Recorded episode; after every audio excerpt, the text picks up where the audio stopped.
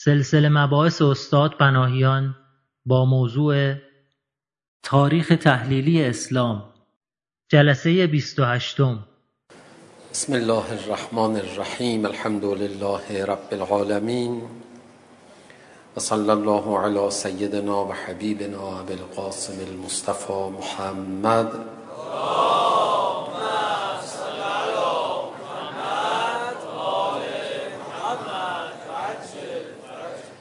وآله الطيبين الطاهرين المعصومين سيما الحجة بقية الله الأعظم روحي وأرواح العالمين له الفداء اللعن الدائم على أعدائهم أجمعين إلى قيام يوم الدين رب اشرح لي صدري ويسر لي أمري واحلل عقدة من لساني يفقه قولي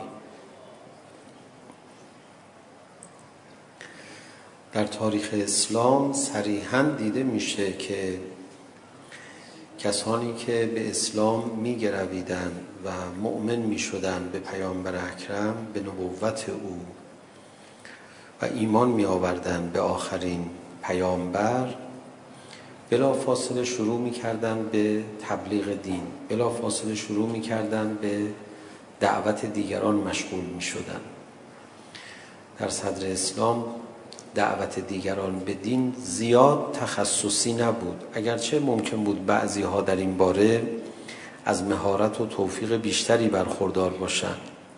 بعضی ها کمتر زیاد توان جذب دیگران رو نداشته باشند. اما این یک مسئله عادی بود که کسانی که دعوت می شدن بدون اینکه دوره های آموزشی سنگینی ببینن میرفتن دیگران رو به دین دعوت میکردن. به همون سادگی که خودشون جذب شده بودن به دین به همون سادگی موجب جذب دیگران هم میشدن. در داستانی که ما در شرح کلام پیامبر گرامی اسلام در آن داستان فعلا متوقف شدیم فردی که آمد و به پیغمبر ایمان آورد بعد رفت مردم خودش رو دعوت کرد به اسلام با یک استدلال ساده این کار رو انجام داد. بهشون گفت که شما در آین خودتون دارید زندگی میکنید بدون اینکه به آخرین پیامبر ایمان آورده باشید یا از او خبر داشته باشید چند تا از کارهاتون شبیه پیامهای آخرین پیامبره. مثلا شما ماهای حرام رو حرمتش رو حفظ میکنید. ازدواج همزمان با دو خواهر رو ممنوع میدونید و یکی دو مورد دیگه در اصل همین شباهت ها دل ها رو جلب کرد فرمود که این پیامبر هم داره به همین موضوعات دستور میده که خیلی ها رعایت نمی کنن شما همین جوری باقی مانده از ادیان سابق دارید رعایت میکنید پس به این پیامبر ایمان بیارید اونها هم ایمان آوردن عملیات دعوت رو نباید زیاد عملیات پیچیده ای دونست عملیات دعوت شبیه عملیات تلاوت میمونه یتلو علیهم آیاته و یزکیهم و یعلمهم الکتاب و الحکمه که چندی قبل در این باره اینجا صحبت کرده بودیم در باره تلاوت تلاوت یعنی چی یعنی آیات قرآن رو بخون ببین جذب میشه آیات قرآن رو براش بخون شاید دلش رفت. شاید فکرش روشن شد. شاید عقلش کار کرد. او رو در معرض مشاهده آیه های قرآن قرار بده شاید راه افتاد. بعضی ها با تلاوت آیات قرآن حرکتشون رو شروع میکنن. و پیامبر گرامی اسلام بسیاری از افراد رو صرفا با تلاوت قرآن دعوت کرد. کار به تعلیم کتاب و حکمت نکشید. کار به تزکیه اونها هم نکشید یزکیهم و یعلمهم الکتاب و الحکمه دعوت ابتدایی که وظیفه همه ماست اون کار کار سخت و پیچیده ای نیست یک کمی همت میخواد گاهی از اوقات ما با استدلال ساده خودمون میتونیم دلهای آماده و نورانی رو جذب کنیم که بسیاری از عالمان و متخصصان دین ممکنه به اون توفیق نرسن. یا به دلیل اینکه دسترسی به افرادی که شما دسترسی بهشون دارید اونها ندارن. زبان اونها رو ممکنه اونجوری که شما میفهمید متوجه نباشن و به کار نگیرن.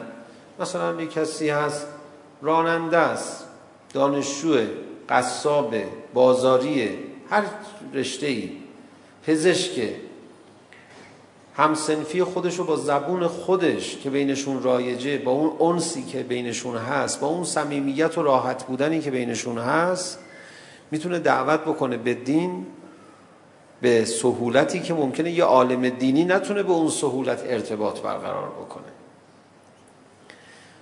و بعد عالمان دینی همیشه وظیفه‌شون اصلا این نیست. بسیاری از اوقات عالمان دینی مثل ارتش ها میمونن که اگه جنگ شد برن جلو.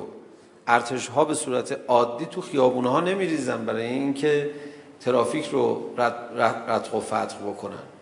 اسلحه های سنگینی دارن. برای کارهای بزرگتر مثلا به کار گرفته میشن.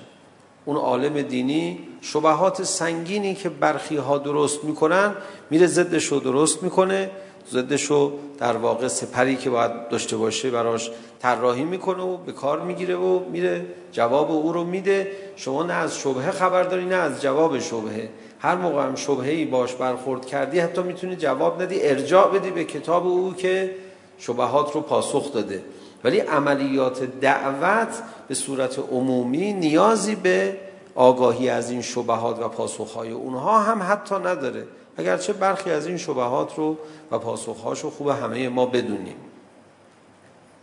خب ما در عملیات دعوت اصحاب پیامبر گرامی اسلام داریم بحث میکنیم. دعوتی که عمومی است و همه ما باید انگیزه من باشیم که به این دعوت بپردازیم.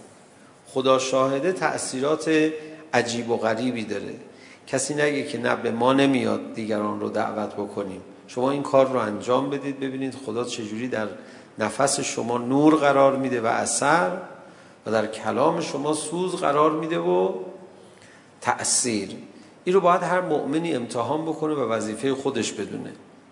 این آقا اومدن از پیامبر گرامی اسلام درخواست کردن که یا رسول الله منو مبعوثم کن مأمورم کن که برم قوم خودم رو دعوت بکنم برای شما.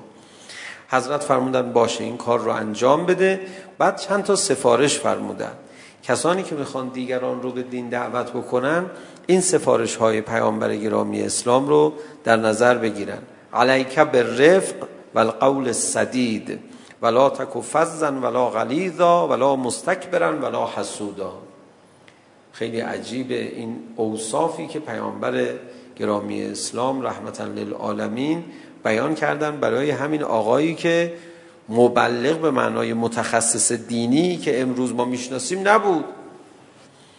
به عنوان یک دعوتگر عمومی میخواست فعالیت بکنه چه صفات برجسته ای رو به ایشون پیشنهاد دادن که یه وقت اسلام رو نره خراب بکنه. مبلغین دیگه باید به مراتب اینها رو رعایت بکنن. فرمودن علیک به رفق و القول السدید. بر تو باد که با رفق و مدارا عمل بکنیم و با قول سدید قول استوار و محکم. درباره هر دو صفت قبلا صحبت کردیم. یه جنبندی امشب از این دو صفت ارائه بدم. بپردازیم به فزن غلیزن غلیزن یعنی ولا تکو فزن ولا غلیزا بی رحم نباش قسی القلب نباش دل رحم باش. خب ما این دل رحمی رو و این قلیز نبودن رو میبینیم که در همون رفق کلمه اولی هم وجود داره. بذارید من دو تا داستان از داستانهای مربوط به پیامبر گرامی اسلام برای شما نقل بکنم. یک کسی آمد از پیامبر گرامی اسلام پولی بگیره مثلا. حضرت رو که میخواست صدا بزنه انگار خیلی عصبی بود ناراحت بود ادب نداشت یا به هر تقدیر عبای حضرت رو کشید. آنچنان عبای حضرت رو کشید که حالا حضرت هم عبایی داشتن که لبش لبه زبری بود اونجوری که در روایت نقل میکنن. به حدی که من محکم کشید میگه من نگاه میکردم بلا فاصله اثرش در گردن مبارک پیامبر گرامی اسلام پیدا شد. حالا چیز مهمی هم نمیخواسته کمی بالاخره گرفتار بود پول میخواست. با این برخورد بد و بیادبانه میگن پیامبر گرامی اسلام اولین برخوردش با او لبخند بود. انگار مثلا او رو نزده او با او بیادبی نکرده. بعد فرمودن چی میخوای حالا؟ گفت من اینو میخوام. آقا فرمودن خب بهش بدید. این برخورد پیامبر گرامی اسلام با اون فرد خیلی برخورد مشهوری هست. یا اینا هم نمونه های رفق میتونه باشه هم نمونه های غلیظ القلب نبودن که در آیه قرآن هم آمده است ولو كنت فظا غلیظ القلب لم فزو من حولك اگر تو بیرحم بودی اگر تو آدم مهربانی نبودی از دور تو پراکنده می شدن یا کس دیگری که جاهل بود آمده بود از پیامبر گرامی اسلام طلب کمک بکنه حضرت یه مقداری پول بهشون دادن. سر و صدا رو انداخت این مقدار بس من نمیشه یکی دو تا ناسزا به پیغمبر اکرم گفت. اصحاب بلند شدن بزننش یا به تعبیر خود پیامبر گرامی اسلام نزد بکشنش. بعد حضرت فرمود نه کارش نداشته باشی بیا بریم. بردنش با خودشون خونه این فرد بسیار ناراحت و بددهن رو بعد یه مقدار دیگه تو خونه بهش دادن. ظاهرا حالا خانه حضرت رو دیده بود که بالاخره حضرت همچین وضعش بهتر از تو هم نیست شاید بدتر از تو هم باشه وضعش آرام شد و تشکری کرد حالا رحمتا للعالمین رو ببینید این نکتش عجیبه فرمودن که خب تو الان توی مسجد جلوی اصحاب یه حرفی به من زدی میخواستن بزننت بعد کینه تو رو به دل گرفتن از دستت ناراحتن. این تشکر و عذرخواهی که اینجا کردی توی مسجد جلوی اصحاب بکن از دل اونا هم در بیاد. یعنی میخواست مشکل اون با اصحاب حل بشه. گفت باشه من حاضرم این کارو بکنم. فرداش اومدن مسجد و حضرت خودشون سر سخن رو باز کردن. فرمودن که ایشون که از ما ناراحت بود الان دیگه از ما راضیه. مگه نه؟ بگو. بعد اون آقا گفت بله من راضی ام واقعا تشکر میکنم. پیغمبر به من محبت کرده. بعد رسول خدا وایستن موضوع رو شرح دادن. فرمودن اون برخوردی که دیروز شما میخواستید با این با ایشون بکنید شاید منجر به قتل ایشون هم میشد. ولی دیدید که من با مهربانی ایشون رو بالاخره همراه کردم. مثالی زدن حضرت. فرمودن مانند اون کسی که شطورش رم کرده بود و داشت فرار میکرد. دیگران اومدن به کمکش که اون شطور رو بگیرن. همه میگفتن از این ور بگیر از اون ور بگیر دهنش رو بگیر. این بیشتر میترسید. آخر سر صاحب شطور گفت آقا نمیخوام شما شطور منو بگیرید. شطور من رحم کرده ولش کنید. همه رها کردن اومدن کنار. خودش یه مقدار علوفه برداشت. آرام آرام. نه سر و صدایی کرد نه عربده‌ای کشید. رفت به سمت شطور. شطور آرام شد و در اختیار اون فرد قرار گرفت. فرمود شما از سر محبت شاید میخواستید کمک بکنید شبیه اون کسانی که میخواستن این شطور رو بگیرن ولی داشتید رم میدادید بدتر. ولی خب ما آرام ایشون رو بالاخره همراهش کردیم.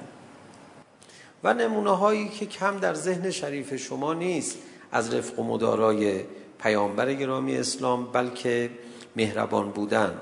جالب اینه که اون آیه قرآن که میفرماد لو کنت فظا غلیظ القلب لم فزو من حولک اون آیه قرآن در ارتباط با چه کسانی است؟ اون رو من باید خدمت شما بگم که بالاخره یه باب خاصی در ذهنمون باز بشه.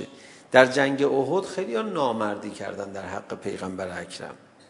و پیامبر گرامی اسلام و خداوند متعال اومدن در واقع اونها رو توبیخ کردن در سوره آل عمران بعد از توبیخ اونها که چرا شما مأموریتتون رو درست انجام ندادید اون آدمای ضعیف الایمانی که شاید بعضیشون رو بشه حتی منافق نامید بعد خداوند متعال از گفتگوی با اونها منصرف میشن و با پیغمبر اکرم صحبت میفرمان فبما رحمت من الله لنت لهم رحمتی از جانب خدا به سوی تو آمده که تو این چنین مهربان شده ای با آنها.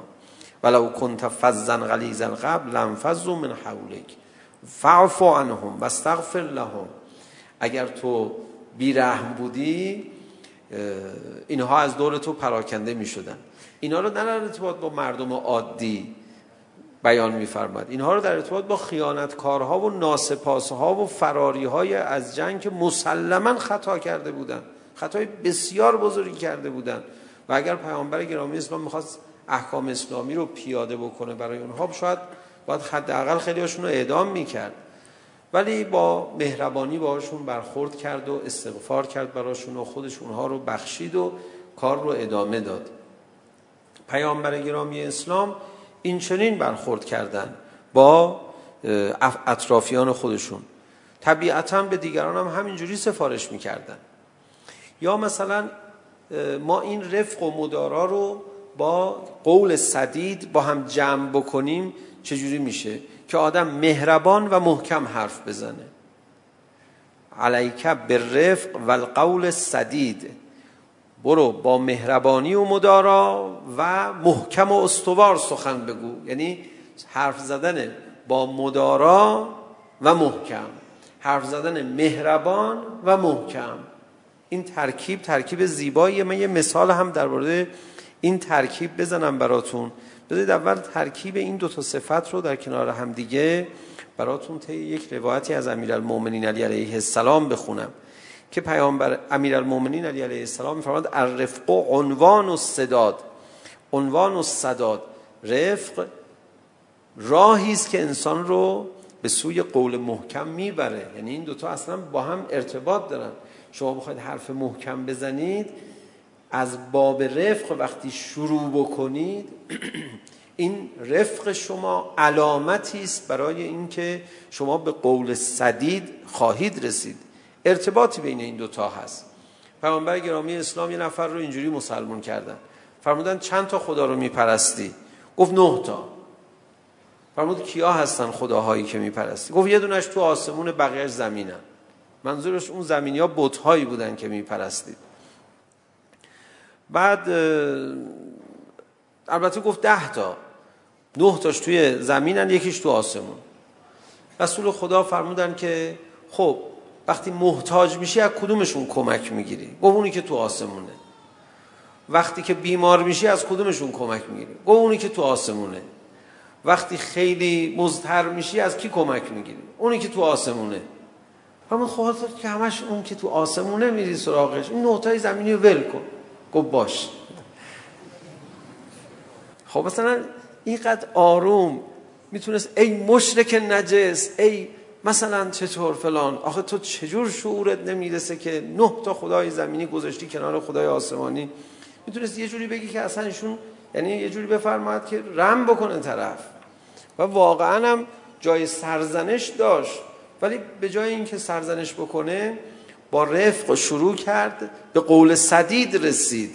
با رفق وقتی شروع بکنید واقعا به قول صدید خواهیم رسید. کاش ما بتونیم تمرین کنیم.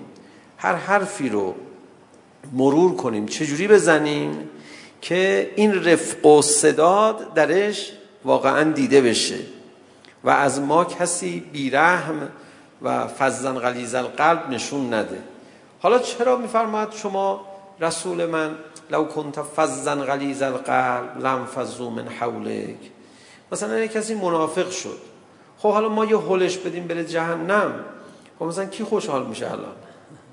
کی ناراحت میشه الان خدای ما که داریم طرفداری از او میکنیم ناراحت میشه و تو چقدر بیرحمی بله اون جهنمیه حلش نده بره یه کاریش کن ببین بلکه وایس دیگه یه جوری بالاخره جذبش بکنیم ببینید این دین پیغمبر ماست این آیین و مرام پیغمبر ماست ولی پیغمبر ما رو محکوم میکردن به چی؟ به این که بله با شمشیر دین خودش رو در جهان گسترش داده چون بالاخره هر چقدر رفق و مدارا داشت هر چقدر مهربان و دل رحم بود جنگ بازم پیش می اومد دیگه. همون بخش جنگ و نبردش رو برجسته میکنن و چی دیده میشه؟ اون چیزی که وقتی برجسته کردن دیده میشه فقط جنگه. وقت پیغمبر اکرم رو محکوم میکنن به خشونت. امیرالمومنین علی علیه السلام رو چقدر محکوم میکردن به خشونت؟ مگه امیرالمومنین علی علیه السلام رفق و مدارا نداشت. چرا؟ من حتی به شما عرض بکنم اشارهشو هم جلسه قبل داشتیم با هم دیگه. اگر امیرالمومنین اهل رفق و مدارا نبود اینقدر جنگ براش پیش نمی اومد اصلا. از همون اول اگر خشونتی از خودش نشون میداد بیجا همه ازش یه جوری میترسیدن که شمشیرها روشون خلاف میکردن. از بس امیرالمومنین اهل رفق و مدارا بود سه تا جنگ داخلی بهشون تحمیل شد. از بس پیامبر گرامی اسلام فزن غلیظ القلب نبود و رحم داشت و رحمت می آورد به غیر مؤمنان و غیر صالحین اینقدر منافقین تونستن خیانت بکنن بعدها به ایشون. ولی خب بالاخره جنگ هم بود دیگه. از بس امیرالمومنین علی علیه السلام اهل رفق و مدارا بود خوارج برگشتن. به خروج امیرالمومنین از دین برداشتن حکم کردن. در حالی که خودشون خارج شده بودن از دین. این شرایطی که ما داریم میبینیم دیگه. تو جمهوری اسلامی هم همینطوره. از بس نظام کلیتش رو میگم. ممکنه چهار نفر گوشه و کنار رفتارهای غلطی انجام داده باشن که اتفاقا در تاریخ این 35 ساله میشه آمار گرفت که چه کسانی رفتارهای بدون رفق و مدارا داشتن. و الان کجان؟ جالبه. اونا الان کجان؟ حداقل مثلا من میتونم بگم که یکی از کسانی که میگفت یالا هر کی پول داره باید پولاشو بگیریم. چون اینا تو زمان طاغوت معلوم نیست با چه زد و بندی به اصطلاح پولاشونو جمع کردن. که نظام اسلامی جلو اونا رو گرفت که آقا کاسه ازش داختر یه هر کی پول داره که نباید پولشو گرفت که. تو دیگه کجا داری میری؟ حالا کسی که اینو میگفت خودش تازه از زندان فتنه 88 آزاد شده. یه اومده اینجا میخواد همه چی رو بده آزاد کنن. حالا اگر در تاریخ دیده بشه که چه کسانی در طول این انقلاب گله گوشه ها اهل رفق و مدارا نبودن خودش پرونده جالبیه. ولی حالا ما دیگه نمیخوایم حرفای گذشته رو زنده بکنیم. لازم هم شاید بشه این کارو بشه کرد. کسانی که اون اوائل خیلی اهل بزن و بگیر بودن الان بیشترشون گرایش های شدید لیبرالی دارن. جالبه. من توی خلاصه شو به شما بگم. اسما همینجوری جلو ذهنم رژه میره. من هی میخوام نمونه بگم که برای شما جذابتر بشه. هی خودخوری میکنم. میگم بابا ول کن. حالا بگو برو, برو دیگه. بچه ها خودشون میرن تحقیق میکنن. برید روزنامه های دهه اول انقلاب رو شما بخونید. حتی پنج سال اول رو. تونترین آدم ها الان کنترین آدم ها جالبه دیگه. حالا اینم یه مدلشه دیگه. ولی در نظام اسلامی در کلیتش هیچ وقت اهل فزن قلیز القلب بودن نبوده. همیشه با رفق و مدارا و قول صدید حرکت کرده. نظام اسلامی در کلیتش اینجوری حرکت کرده. شنیده شده بعضا مقام معظم رهبری رو تو مواردی که من بازم نمیرم تو جزئیات. یه کسانی از آدمهای بسیار خودی رو به شدت توبیخ کردن سر اینکه تو مجموعه شون یه دونه خبر غیر واقعی تند علیه آدمای مثلا بد شما بگو زده شده. اینقدر شدید برخورد کردن این که اینجوری نبوده.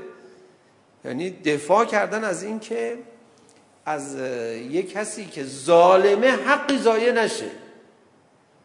و حضرت امام هم سیرشون همینطور بود.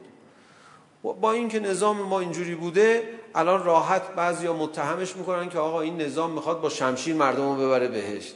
بابا از بس نبرده با شمشیر کسی رو بهشت. بعضیا اینقدر روشون زیاد شده که هر غلطی دلشون میخواد میکنن. واقعا زحمت رو زیاد میکنن. و در این حال اسلام داره با مماشات برخورد میکنه دیگه. انتظاری نیست.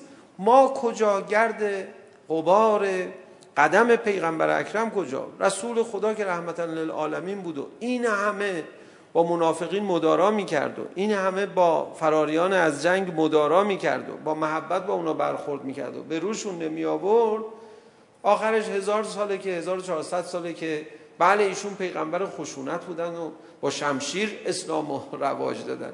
متهم میشه به جنگش با شمشیر مردم رو به مثلا سوی خدا و اسلام آوردن. از پشه لاغری چه خیزد آنجا که با این شاهین و با این عقاب بزرگ اینجوری برخورد بکنن. بله معلومه که با شاگردان اصیل مکتب پیغمبر اکرم همینجوری برخورد میشه. چاره ای نیست.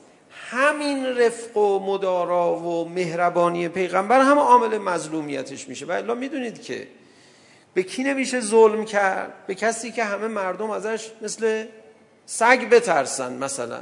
خب دیگه اصلا ظلم هم بهش نمیشه. اون اون خودش به همه ظلم میکنه. دیگه جای نمیذاره کسی بهش ظلم بکنه. این نظام مظلوم ما خیلی از مظلومیتش دقیقا ناشی از اینه که هیچ وقت نخواسته با شمشیر کسی رو به من گفتن آقا این قصه با شمشیر به بهشت بردن این حرف مثلا اگه زده بشه جایی ما که زیاد اهل سیاست نیستیم بدونیم دقیقا چی بوده چی نبوده. میگن اگه همچی حرفی رو کسی زدن در مورد کیاز هم گفتم حتما در مورد کشورهای همسایه زدن. اونجا با باتوم مردم میبرن سر صف نماز جماعت. شاید اونا نصیحت کردن که آقا با باتوم نبرید مردم و سر صف نماز جماعت. بذارید مثلا خودشون آروم برن. و الا نظام اسلامی که مت... یعنی مشکلاتش ما شدت رفق و مداراش انقدر امیرالمؤمنین. اهل رفق و مدارا بود. اهل قول صدید و بالاتر از قول صدید رأی صدید بود. تا اطمینان حاصل نمی کرد اقدامی نمی کرد که طلحه و زبیر ها پر رو شدن که خوارج ها پر رو شدن. آقا به امیرالمومنین علی علیه السلام در جنگ سفین می گفتن شما مدیریت نداری. شل اومدی. شما نمیتونی. شما سیاست بلد نیستی. وقتی که این شایعات صورت گرفت شما بدونید تمرد هم صورت میگیره. تمرد مال چیه؟ تمردی که برمیداره طرف تفکر میکنه و بعد امیرالمومنین رو خارج میکنه از دین ناشی از چیه؟ یه بزرگتری رو وقتی که شما پیچ های حکومتش رو شل کردید امارتش رو خدش دار کردید که امیرالمومنین فرمود لقد کنت امیرن لقد کنت کنت امس امیرن فاسبحت الیوم معمورا خب بله دیگه هر بی سر و پای میاد از خودش تفکر صادر میکنه و میگه که نه آقا شما اینجا اشتباه کردی. انقدر پای حرف خودش محکم میسته تا میخواد امیرالمومنین علیه السلام بکشه با شمشیر به دلیل اینکه فکر میکنه آقا اشتباه کرده و از دین خارج شده. اینا مال چیه؟ ناشی از رفق و مدارای امیرالمومنین و الا خیلی ها بودن صدها رفتارهای غلط بسیار واضح داشتن ولی هیچ فرقه علیهشون درست نشده و قیام هم نکرده هیچ کس هم پررو نشده بخواد بهشون اعتراض بکنه. برای اینکه ازش ترسیدن. اینجا چون نمی ترسیدن از پیغمبر اکرم چون نمی ترسیدن از امیر المومنین علی علیه السلام مشکل ایجاد می کردن خیلی هم تو نظام جمهوری اسلامی اینه ها من به شما عرض بکنم. خیلی از این زحمت هایی که ما میبینید به خدا قسم بی خود داریم تحمل میکنیم. بی خود بی خود. مثلا تو هیچ کشور اینجوری نیست. آقا مقام معظم رهبری سالها قبل در زمان دولت اصلاحات درباره روزنامه ها فرمود در فرمودن تو هیچ کشور اینجوری نیست که روزنامه ها اساس نظامشون رو اینجوری زیر سوال ببرن. واقعا هم اینطوره اساس نظام رو زیر سوال میبرن. این در اثر رفق و مدارایی است که واقعا وجود داره. بعد همونا همیشه هم اتهام میزنن که آقا اینجا مثلا دارن با خشونت با ما برخورد میکنن. خب اگه با خشونت باد برخورد میکردن اصلا تو نمیتونست اینو بگی. اصلا هیچ وقت نمیگفتی اصلا اینو. مشکلاتی که ما داریم رو بی خود داریم تحمل میکنیم. یعنی مشکلاتی که ارزشش رو واقعا نداره. ولی انگار معطلیم دیگه همه یکی یکی متقاعد بشن بریم جلو. شما این رو میخواید بشنوید تحلیل دقیقش رو از علاقمندان به اسلام و انقلاب اسلامی و نظام جمهوری اسلامی در خارج از کشور بشنوید. پاتون رو از کشور بذارید بیرون تو عراق پاکستان تو افغانستان تو کشورهای منطقه تو کشورهای اروپایی. علاقمندان به اسلام و انقلاب اسلامی ببین چجوری واسط حرف میزنن. میگن چرا مشکل فلانی رو حل نمیکنید چرا فلانی حرفای بی خودو میزنه؟ آقا یه جوری تحلیل میکنن. شما خودت تو ذهن خودت حاضر نبودی اینجوری با جرأت و جسارت بعضیا رو حذف کنید میگن آقا حذف کنید بره مگه ندید بی حرف بی خود زد؟ بعد اسم سیاستمدارای ما رو میارن و خیلی هوشیار از بیرون مثلا موندن ما چرا اینا رو تحمل میکنیم؟ بله این از سر بزرگواری نظام. آخرش هم متهم میشه به این که بله این میخواد با شمشیر مثلا هم کارا رو حل بکنه کجا عزیز من اینجوریه آخرش هم اتهام زده میشه که امیرالمومنین خشونت داره بعد پیامبر گرامی اسلام هست که از امیرالمومنین دفاع میکنه میفرماد بله امیرالمومنین انه خشن فی ذات الله در راه خدا جایی که لازم باشه خشونت به خرج میده قاطعیت به خرج میده بله خب سه تا جنگ اداره کرد امیرالمومنین دیگه. شوخی که نیست ولی این میدونی بعد از چقدر رفق و مدارا بوده و میدونی این اصلا دلیلش اون رفق و مدارای امیرالمومنین بوده که اینا جرأت کردن جنگ را بندازن. خب بعضیا انتظار دارن اینا جنگ را انداختن. امیرالمومنین علی علیه السلام خودشون رو بسته تحویل بدن و میگن ما دیگه ادامه دادیم رفق و مدارا رو تا دیگه تکمیل بشه و بساط دینم برچیده بشه و خداحافظ شما و بله اول الاسلام السلام. نه اینقدر دیگه رفق و مدارا دیگه رو میخواد که تو بخوای اینقدر تقاضای رفق و مدارا داشته باشی این داستان رفق و مداراست و قول صدید منتها منتها دوستان پیامبر گرامی اسلام یقینا باید شیوه خودشون رفق و مدارا بگیرن در این راه کتک هم بخورن در این راه تهمت هم بشنون در این راه هیچی نام افراطی هم به خود بگیرن. در این راه نمیدونم. حالا خیلی از مسائل رو تحمل بکنن محرومیت هایی رو تحمل بکنن. شما یقین داشته باشید. در همین نظام جمهوری اسلامی هر کسی درست رفتار بکنه محرومیت هایی از این سو یا آن سوی به او خواهد رسید. بالاخره خیلی دم دستشون میرسه به دم و دستگاه ها حالا به صورت به صورت‌های مختلف. تو بدنه حاکمیت یا حتی خارج از حاکمیت. اصلا امکان نداره این سنت الهی است گویی که اگر کسی درست عمل بکنه حزب اللهی هم باشه مهربان هم باشه با رفق و مدار هم باشه حتما جریان هایی قدرت قدرتک هایی از این سو یا آن سوی آن را از بسیاری از مواهب محروم میکنن و دوست دارن سرش هم بکنن زیر آب که دست صداش در نیاد. میشه اتفاق نیفته هر کسی یک مسیر درستی رو انتخاب کرد باید حتی اهل رفق و مدارا باشه فزن غلیظ القلب نباشه کافی یه جایی وایسه کافی یه جایی وایسه بعد هیچی دیگه همون جایی که می ایستی دیگه به خاطر همون جا نابودت میکنن یعنی دستشون برساتی که تیکت میکنن. دستشون نرسه جرأت نکنن خدا نگذاره. یه جور دیگه نابودت میکنن. بابا میگیم بابا من یه جا یه چیزی گفتم. بقیه چیزا که یه چیزی نگفتم مثلا حتی. هیچی گذشتیم رفته. گفتیم بابا ولش کن. میگه همون یه جایی که گفتی پس تو افراطی هستی. ببین اونجا دیگه باید وایساد. مگه امیرالمومنین علی علیه السلام رو؟ حالا ما که اهل این مجاهدت ها نیستیم. شماها اگر اهل مجاهدت در راه خدا هستید بهشون بگم هر چقدر با رفق و مدارا هم عمل بکنید آخر سر حرفشون رو بهتون میزنن. خط قرمز داره. شما کافی همون سر خط قرمز وایسی. بگی فتنه‌گرا مفسد فل ارزن به قول حضرت امام. یه جاهایی حتما چوبشو خواهی خورد. یعنی یقینا چوبشو میخورید.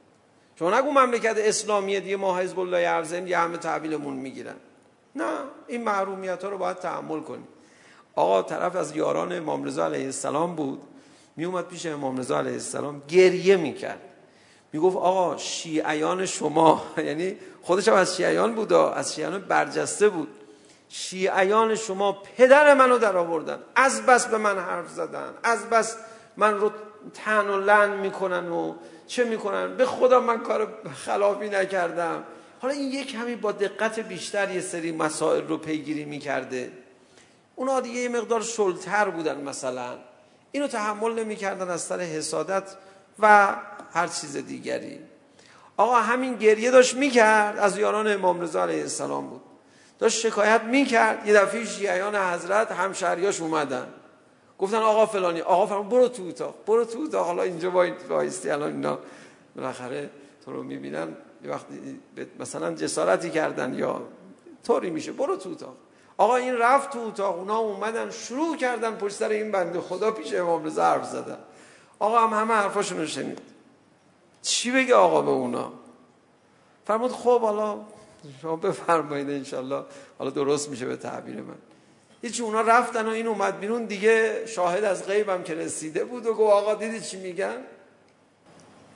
آقا بهش فرمود که خب تو واقعا حالا به تعبیر بنده ها من دارم نقل به مضمون میکنم داستان رو. بله تو مظلوم واقع شدی سعی تو بکن حالا همینا رو جذب کنی. دیگه چاره چیه؟ اوضاع اینجوریه. طرف رفت و دیگه اینقدر تلاش کرد و اینقدر مقابل اون آدم‌های در واقع ضعیف آدمهای اهل سعایت. با مدارا برخورد کرد تا اونها یه کمی دلشون به این نرم شد و بعدا اومدن پیش امام رضا علیه السلام گفتن نه فلانی یه کمی بهتر شده و در حالی که او تحمل و مدارای خودش این مقدار افزایش داده. بالاخره اینا در اون مقام ضعف و تشخیص غلط خودشون قبلا بودن واقعا. خب علیکه به رفق والقول القول السدید ولا تک فزا ولا غلیظا اونایی که آمادن به خاطر دین در یک جامعه دینی محرومیت بکشن اونها باید این حرفای پیغمبر اکرم رو دقیق گوش بکنن اگه یه وقت شماها میخواید یه جوری رفتار بکنید نه سیخ بسوزه نه کباب یه جوری رفتار بکنید که درست رفتار کرده باشی. سر خط قرمزا سر لحظه ای که باید بیستی بیستی. بقیه عمر تو مدارا رفت به مدارا رفتار کنی. کسی بهت حرف نزنه این کارو شروع نکن. این کاره نیستی. باید چوبشو بخوری. بالاخره چهار تا آدم ضعیف ایمان پیدا میشن که همون یه لحظه ای که سر خط قرمز رفق و مدارا وای میستی پدرتو در بیارن تو همین جامعه دینی تو دل جامعه اسلامی. در جمع شیعیان خودی امام رضا می اومدن سعایت میکردن اون بند خدا رو. نه اینکه معمون و دار و دستش به اونا که طبیعیه باید بیان بزنن شیعیان رو. در اطراف امیرالمومنین علی علیه السلام گاهی یاران خاص امیرالمومنین علی علیه السلام رو تحمل نمی کردن. بعضی از اون یاران عام امیرالمومنین علی علیه السلام. شما باید تو این زمینه مقاومت خودتون رو هم حتی افزایش بدید. و بعد انقدر کار بکنید تا اونها رو هم جذب کنید چاره ای نیست. یک کلام در مورد قول صدید بگم و عرضم تمام.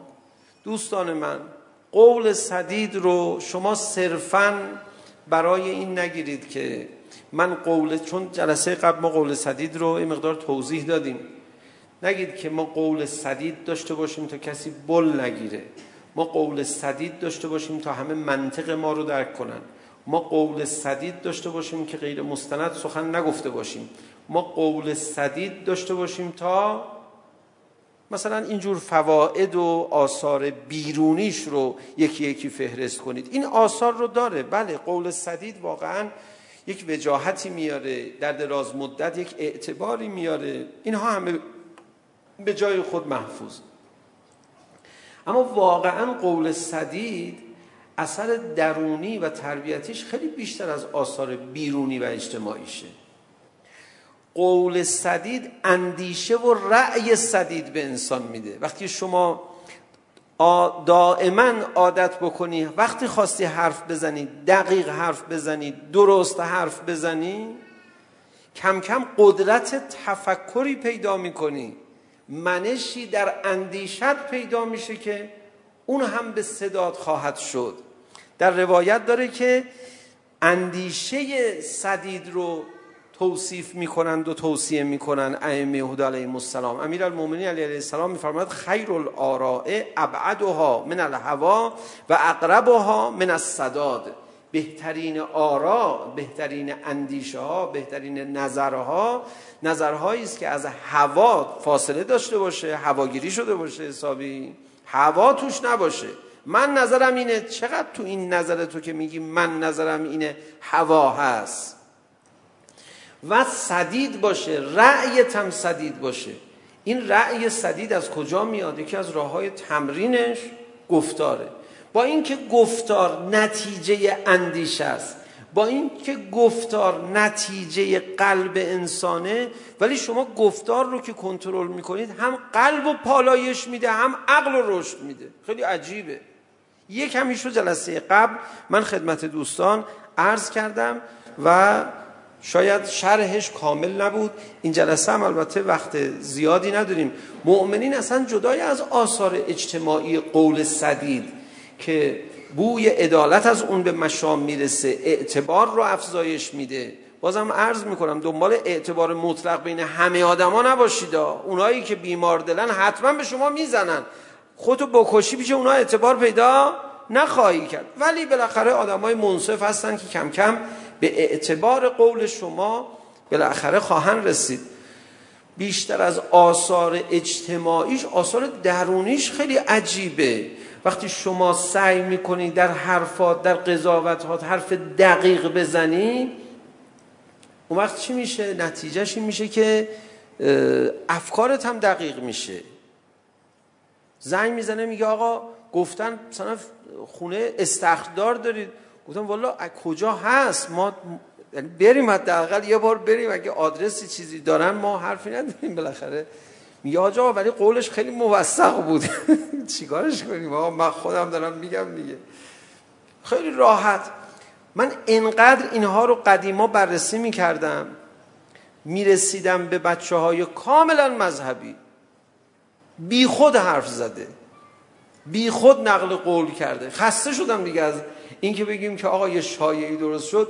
کی درست کرد؟ همین بچه‌های مذهب خیلی از این حرفای چرت و پرت همین بچه مذهبیه درست میکنه. برای چی؟ ها اهل قول صدید نیستن. ها در زیاد براش مهم نیست. میگه آقا اینو کی گفته؟ میگه فلانی گفته. به اون زنگ میزنه میگه نه من اینجوری که نگفتم اینجوری گفتم. حالا من نصفشو غلط گفته بوده. بعد میگه تو اینو از کجا شنیدی؟ میگه من فلانی شنیدم. گفتم بابا خب به اون میگی. میگیم آقا تو گفتی مثلا چی؟ میگه نه من اینو که نگفتم که من اونجوری گفتم. من میرید دومه یه دومینویه از اون اولش میرید جاشو خواسته تغییر بده زده این دومینو شروع شده. آقا آدم جاشو میخواد تغییر بده. علکی نمیزنه این برام بر استکان نربه که خورد بکنه. بعضی ها دیدیم موقع راه رفتن دقت نمیکنن زیر پاشون رو. یعنی تا اگه اینا تو اتاق تو حال شروع میکنن حرکت کردن هر چیز زمین هست باید جمع کنید چون قطعا میزنه تق تق اینا رو داغون میکنه. سبک راه رفتنشون اینجوریه. بعضی ها حالا این اشکال نداره شما تو راه رفتن گل لغت کنی بری. بعضی ها توی حرف زدن اینجوریه. بعضی از این بدتر تو فکر کردن اینجوریه. اصلا با یه نسیمی مثل طوفان جابجا میشن. حالا اینا البته حرفای شخصی بنده ارزش گفتن نداره. بابت لطیفه و اینا عرض کردم.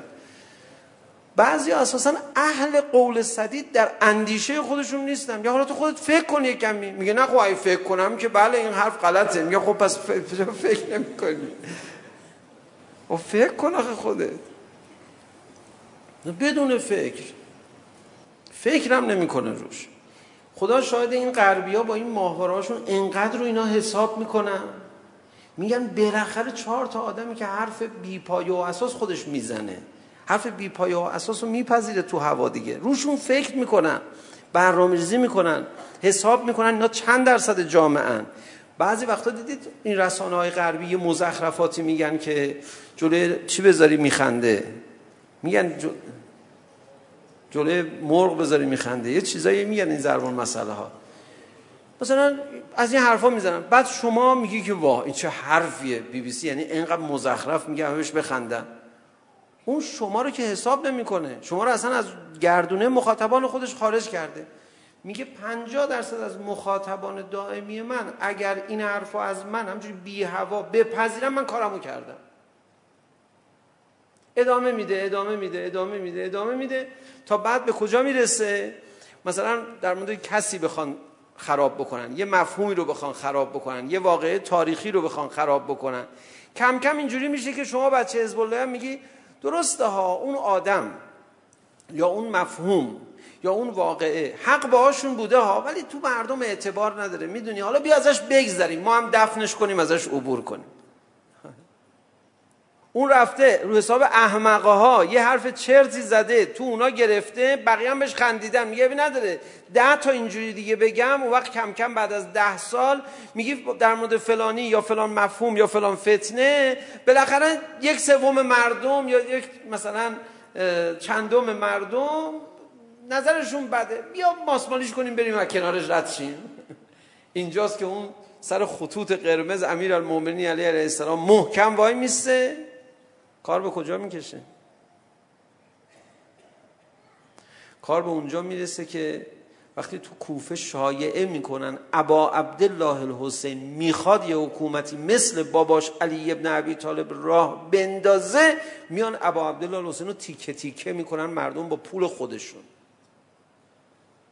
اینقدر خراب میکنن اینقدر خراب میکنن اینقدر خراب میکنن بی پایه و اساسا اولا شما اعتنا نمی کنی میگی حالا این چرت و پرتی گفته. ولی توی مدت زمانی بعد نتیجه میگیرن ازش. بله در دراز مدت نتیجه نمیگیرن اما تو کربلا که نتیجه گرفتن هر چی حرف مزخرف پشت امیرالمومنین علی علیه السلام گفتن تو کربلا ازش نتیجه گرفتن.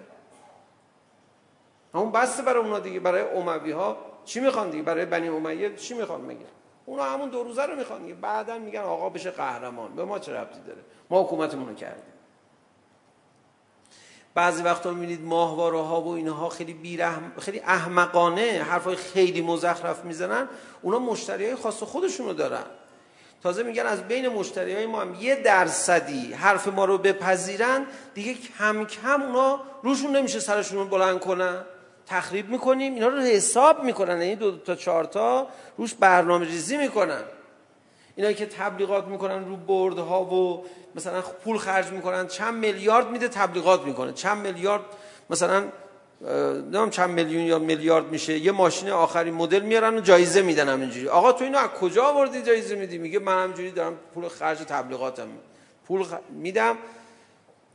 چند نفر بهت گوش نگاه نمیکنن؟ حسابشون رو کردیم میگه آره حساب اونا رو دارم. همون چند نفری که نگاه میکنن رو اونا که حساب میکنم که فریب تبلیغات منو میخورن یا تحت تاثیر تبلیغات من قرار میگیرن همونا کم کم چی میشه؟ یه اعتباری به من میبخشه برند میشه کار من بعد برند که شد میتونم قیمتش رو یه درصدی به خاطر برند بودن افزایش بدم. اعتماد جلب میشه بعد دیگه چشم و همچشمی میشه یه درصد هم سر چشم و همچشمی بعضی واقعا نون میخورن سر ضعفای مردم. یه مقدارش سر چشم هم چشمی یه مقدارش سر پوز دادن یه مقدارش نمیدونم سر چی و سر چی و سر چی کم نیاوردن بالاخره من ثروتم میره بالا. پس من این پولی که الان خرج کردم بالاخره نمیخوام بگم همه تبلیغات ها اینجوریه ها. بالاخره بعضی از تبلیغات ها یه حسابی هم رو افراد نادون میکنن. میگه من اونا رو باید بالاخره ازشون پول در بیارم و پول هم ازش در میاره. شما اهل قول صدید باشید. قول صدید رو هم خواهید پذیرفت. این آخرین عرض بنده در باره قول صدید دوستان من اگر دقت کنید قول صدید داشته باشید رشد فکری پیدا می کنید و دارای رأی صدید خواهید شد. کسی حساب شده حرف میزنه کم کم در دراز مدت حساب شده هم فکر خواهد کرد. یا از اول فکرش حساب شده است. یا در دراز مدت کم کم حساب شده فکر میکنه. و بعد اگر کسی حساب شده حرف بزنه جدای از اون آثار اجتماعی که به دنبال داره اهل تشخیص حرف حسابی هم خواهد شد. خیلی حرف ها مشابهت دارن با هم. خصوصا تو آخر الزمان. آخر الزمان اینقدر بحران ایجاد میشه همه عوام تک تکشون باید تشخیص بدن عالم خوب از عالم بد فرقش چیه. آدم هایی که دوچار انحراف هستن همه دقیق ترین و فراوان ترین استدلال ها رو به قول خودشون دارن میارن. کسی خودش اهل فکر صدید رأی صدید نباشه یعنی اهل قول صدید نباشه تشخیص نمیده قول صدید رو. وقتی تشخیص ندادی قول صدید رو فریب میخوری. انشاءالله خداوند متعال ما رو اهل رأی و قول صدید قرار بده. ابا عبدالله الحسین علیه السلام دیشب یا پریشب از مدینه منوره حرکت کردن این کاروان آشورا حرکت شروع شد که البته به مکه مکرمه عزیمت فرمودن بعد از مکه به سوی کوفه حرکت کردند و کربلا اما حرکت از دیشب شروع شده نقل است از حضرت سکینه خاتون سلام الله علیها که یکی از سختترین قسمت های سفر همین خارج شدن از مدینه بوده خائفا یترقب به تعبیر قرآن کریم.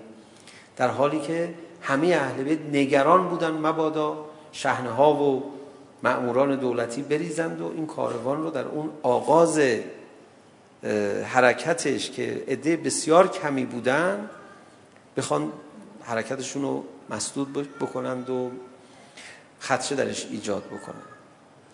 این حرکت آغاز شد. ابا عبدالله الحسین علیه السلام وصیت نامه می نویسه وصیت نامه برای قیام داره می نویسه قبل از اینکه بفرماید من برای چی قیام می کنم ابتدا می فرماید من برای چی قیام نمی نمی‌کنم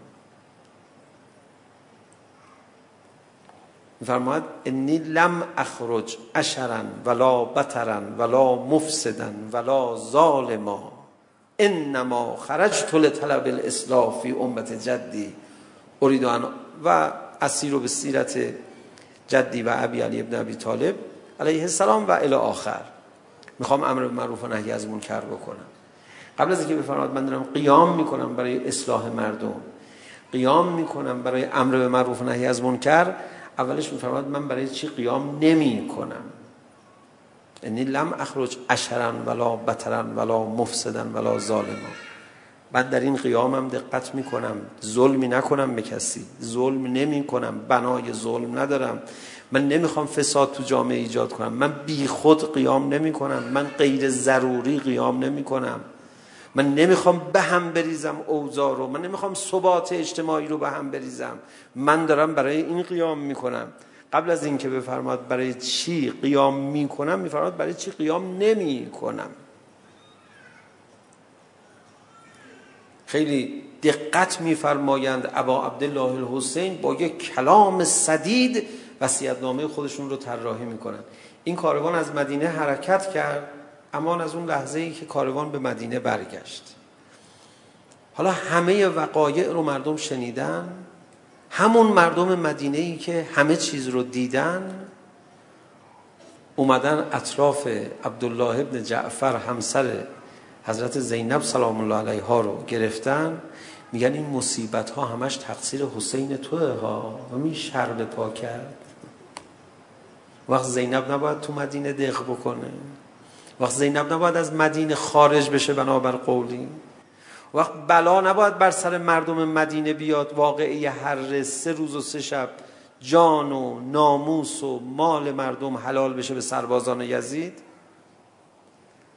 من نمیدونم جرم این که تنها گذاشتن ابا عبدالله الحسین رو مردم مدینه سنگین تره یا جرم این که تنها گذاشتن زینب کبرا رو در سوگواری برای ابا عبدالله الحسین؟ نامرد آدم زخم زبون نزنید الان.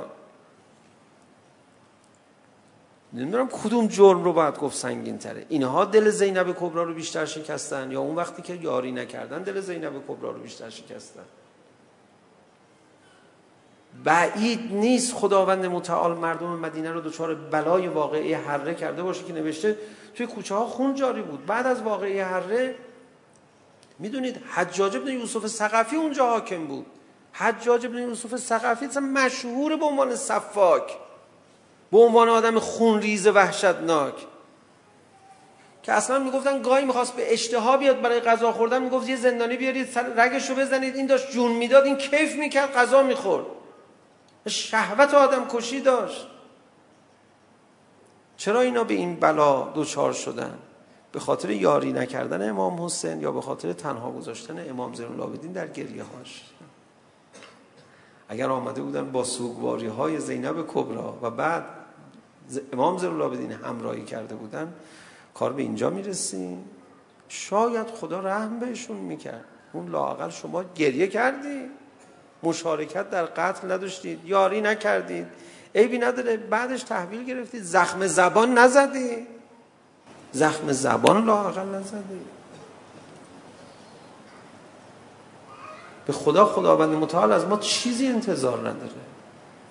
روز قیامت دفعه شاید ببینی که دست تو گرفتن میبرن بهشت. بعد میگی آقا من چیکار کردم آخه؟ چون اونجا میبینی چقدر این عبور دشواره. اونجا میبینی بعد تعجب میکنی. همه خوبیات یادت میره. یاد جلو چشمت میاد. بعد میبینی دارن راه رو باز میکنن به سوی بهشت. شاید اونجا برگردی بپرسی اینها آقا من چیکار کردم؟ چی شده؟ از اون فرشته ها و ملائک. من که آخه اوزام. میگن نبی نداره تو گریه کردی برای حسین ما. هم دردی کردی با زینب ما. بخشیدنه. گفتن آقا بقیهش ندید. اونجا این حرف رو متوجه خواهیم شد. اگه مردم مدینه لاعقل خوب برای حسین گریه کرده بودن. خوب به بدرقه این کاروان آقا ما شما رو یاری نمی کنیم اما چرا اینقدر تو تاریکی و ترس و ناراحتی دارید از مردم مدینه میاد؟ می بیم به بدرقه شما بیاد مردم مدینه فلاکتشون به جایی رسید. بزرگترین بدرقه ای که انجام دادن برای کسی که میخواسته بره از مدینه به مکه برای کی بوده بعد از ابا عبدالله الحسین؟